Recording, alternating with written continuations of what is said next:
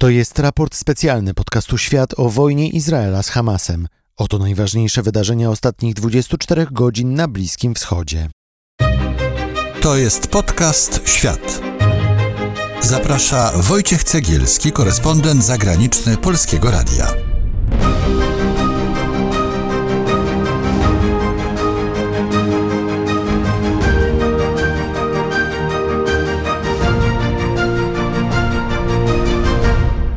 Jest poniedziałek 20 listopada 2023 roku. Izraelska armia pokazała film ze szpitala Al-Shifa w Gazie, na którym ma być widać długi na 55 metrów i głęboki na 10 metrów tunel.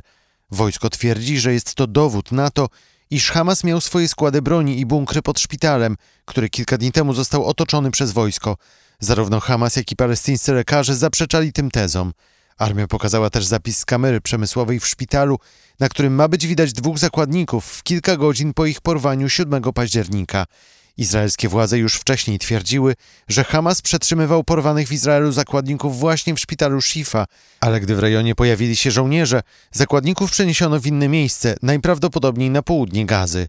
Izraelska armia poinformowała także, że 19-letnia żołnierka Noa Marciano, o której śmierci informowano kilka dni temu, miała zostać zabita właśnie w szpitalu Al-Shifa. Szpital Al-Shifa jest największym szpitalem w całej Gazie. Gdy wojsko otaczało kompleks budynków, w środku były tysiące pacjentów oraz cywilów, którzy schronili się w środku przed izraelskimi bombardowaniami. Wszystko wskazuje na to, że większości cywilów udało się już uciec w bezpieczne miejsca. Światowa Organizacja Zdrowia, której przedstawiciele wizytowali szpital, poinformowała, że udało się ewakuować 31 wcześniaków, których życie było zagrożone, bo z powodu braku prądu nie działały inkubatory. Noworodki miały trafić do innych szpitali na południu Gazy.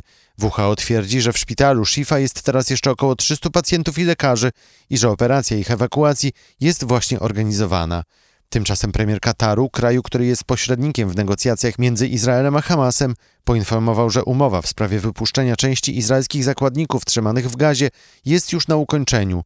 Izraelski ambasador w Stanach Zjednoczonych uważa, że w najbliższych dniach, tu cytat, znaczna liczba zakładników może odzyskać wolność. Izraelska operacja w Gazie jest odpowiedzią na szturm Hamasu na południowe izraelskie miasta. 7 października islamscy fanatycy zabili 1200 osób. W izraelskich nalotach, które są prowadzone od tamtego dnia, zginęło co najmniej 13 tysięcy osób.